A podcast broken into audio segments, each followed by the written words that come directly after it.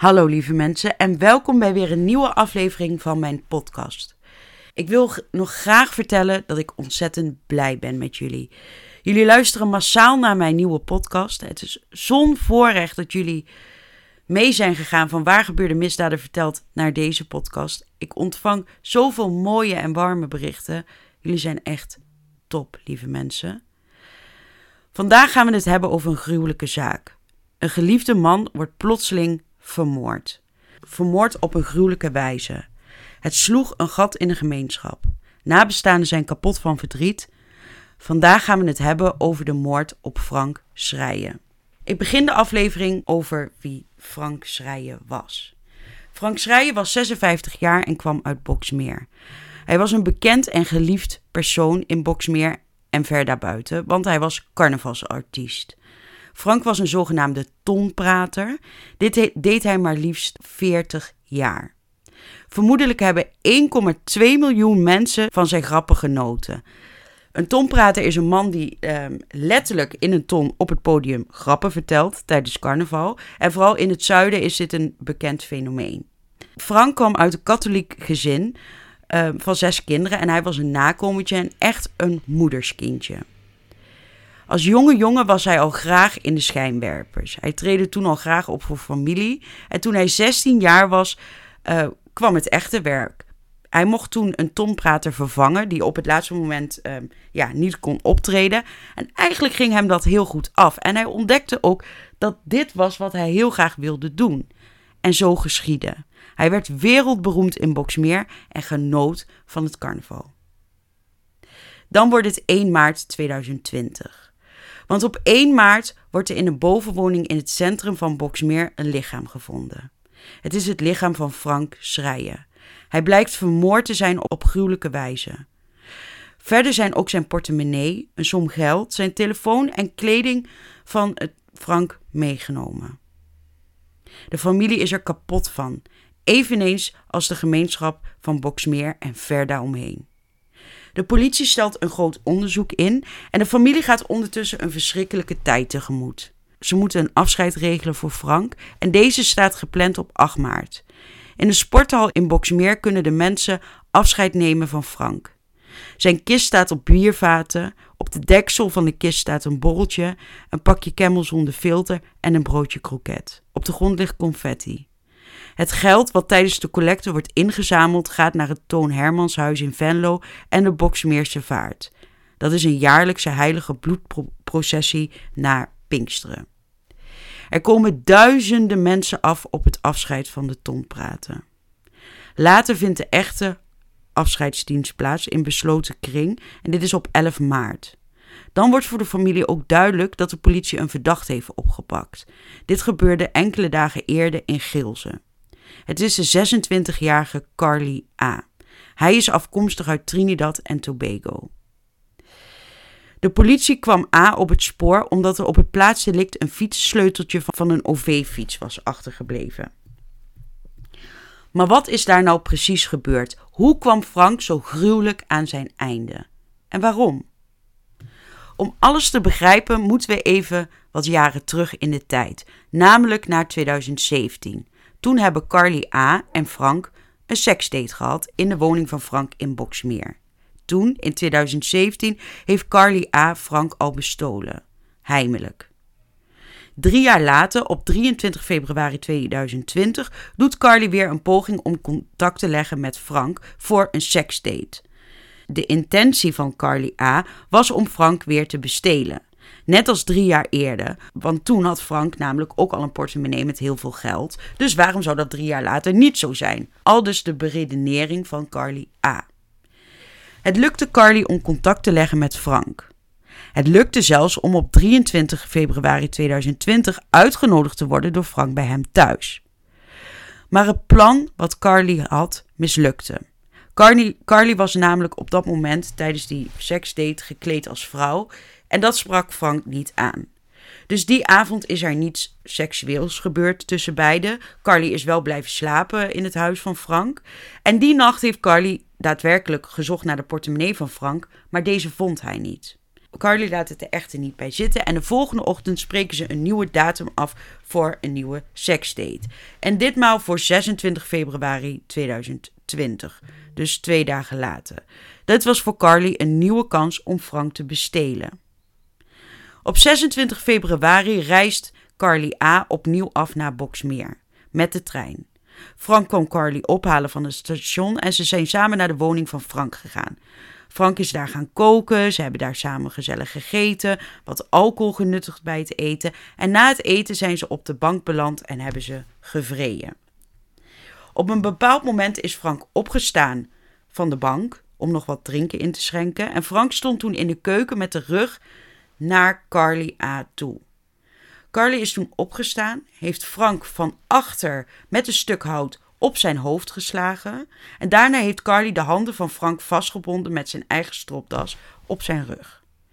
In de verklaringen bij de politie heeft Carly in verschillende versies aangegeven waarom hij deze handelingen heeft verricht. In een van deze verklaringen geeft Carly aan dat hij zich gedrogeerd voelde. Hij had het gevoel dat Frank wist met wat voor intenties Carly naar hem toe was gekomen en hem kwaad wilde doen. Nou, Frank zit dus gekneveld, is op zijn hoofd geslagen, maar hij weet zich toch los te maken uit de benarde situatie. En op dat moment begon Carly met van alles te gooien richting Frank. Met een barkruk, met vazen. Daarop raakte um, Frank uit balans. Er volgde een worsteling. En Carly heeft vervolgens de keel van Frank doorgesneden. Daarna heeft hij de portemonnee van Frank gepakt met daarin geld. Hij heeft de mobiele telefoon van Frank meegenomen, kleren van Frank aangetrokken. Want ja, op, zijn, op de kleren van Carly zaten natuurlijk allemaal bloedsporen. En hij heeft deels bloedsporen willen wissen in het huis. Tijdens de rechtszaak gaat de officier van justitie voor gekwalificeerde doodslag en gekwalificeerde diefstal. Carly heeft willens en wetens Frank met een stuk hout geslagen, vastgebonden en later met een mes verwond om, een om de diefstal te laten slagen. Ook heeft hij weg willen komen met het strafbare feit door Frank te doden en later sporen uh, heeft proberen uit te wissen. De advocaat van Carly A. denkt hier toch heel anders over. Zij zegt dat ze ervan overtuigd is dat Carly gedrogeerd was door Frank. Dit was de reden waarom Carly weg zou willen uit het huis. Maar dat, had niet, dat zou op dat moment niet mogen van Frank. En deze situatie, in combinatie met de uitlating van Frank dat hij die avond heel veel plezier met Carly zou hebben, heeft bij Carly een hevige gemoedstoestand teweeggebracht. Daardoor kwam het nog. Daardoor kwam ook nog. Daarbij kwam ook nog dat Carly dacht dat Frank hem herkende van de seksdate drie jaar eerder. Toen had Carly Frank natuurlijk al eens bestolen. En Carly dacht dat Frank wist dat Carly opnieuw geld wilde stelen. En dat Frank wraak wilde nemen. Al dus de verdediging. Daarom zou Carly onder deze omstandigheden geen andere oplossing hebben gezien dan Frank met een stuk hout te slaan en zijn handen vast te binden op zijn rug. Hij heeft de woning proberen te ontvluchten, maar dit lukte niet omdat Frank de deuren op slot had gedaan voordien. Ondertussen hoorde Carly Frank weer in beweging komen en hij zag dat Frank een mes in zijn hand had en dreigend op hem afkwam. Carly heeft Frank op, op afstand proberen te houden door met vazen en een barkruk te gooien. En toen Frank uit balans raakte, heeft Carly het mes afgepakt. Wat erop volgde was een gevecht van leven en dood. Carly heeft toen de overhand gekregen en Frank dodelijk verwond met het mes. Daarna is Carly het huis uitgevlucht via het keukenraam. Hij heeft, goed, hij heeft de goederen van Frank meegenomen om zijn terugreis naar Geelze te maken. De advocaat spreekt dan ook van noodweer. De rechter zegt op zijn beurt dat er geen bewijzen zijn dat Carly op enig moment gedrogeerd was en dat Frank hem zou hebben ontmaskerd als dief. Integendeel, Carly ging met de intentie naar de woning toe om geld te stelen tijdens, tijdens deze seksdate. Alles verliep volgens plan van Carly, ook de seksuele handelingen, want dat was het plan van Carly. Er is niets tegen zijn wil ingedaan. De seksdate, um, hoe deze in het huis was voor de feiten, het koken voor Carly, het vrije, daarin blijkt niet uit niets dat Frank ook maar iets van kwaad in zijn zin had. Er was dus geen sprake van aanranding of dreiging richting Carly. Wat de advocaat wel pleit, waardoor uh, dat noodweer is ontstaan. Toen Frank half naakt was, met de rug naar Carly stond en wegliep, heeft Carly een stuk hout genomen, heeft Frank geslagen op zijn achterhoofd en vervolgens heeft hij Frank gekneveld. Dit heeft Carly volgens de rechter gedaan om hem te kunnen bestelen. Na de klap en het knevelen is Frank toch sterker dan gedacht. Hij heeft zich los kunnen wurmen. Maar in die tussentijd heeft Carly voldoende tijd gehad om Frank te bestelen en zich uit de voeten te maken. Nee, um, Carly gaat dan nog verder. Hij gooit van allerlei dingen um, um, richting Frank. Hij snijdt uh, de keel door van Frank. De rechter vindt het ook onzin dat Carly zich heeft willen verdedigen en daarom een keukenmes heeft gepakt. Nee, Carly ging gewoon verder met de aanval nadat Frank zich had bevrijd. Hij is gaan gooien met vazen, met een barkruk, waarna hij in een worsteling terecht kwam. En Carly heeft op een bepaald moment met grote kracht de keel van Frank doorgesneden. De rechter ziet de eerdere geweldshandelingen, dus het slaan met het hout en het knevelen, in verband met het gooien van de spullen en het doorsnijden van de keel. Daarna heeft Cardi de spullen buiten gemaakt en heeft geprobeerd zijn bloedsporen weg te maken. Dus de rechter is ook van mening dat het gekwalificeerde doodslag en gekwalificeerde diefstal um, is en dat dit bewezen is. Uit onderzoek van een psychiater is gebleken dat Carly gewoon toerekeningsvatbaar is. Um, en hij wordt veroordeeld tot een gevangenisstraf van 16 jaar. Dit was de aflevering voor deze week. Het was een korte aflevering, maar ik wilde hem graag brengen. Um, misschien omdat het ook de tijd van het jaar is dat het carnaval net is geweest. Of op sommige plekken nog is. Ik weet niet of dat allemaal tegelijk valt. Maar het is in ieder geval een beetje carnavalstijd. Toen kwam ik deze zaak tegen. Toen dacht ik.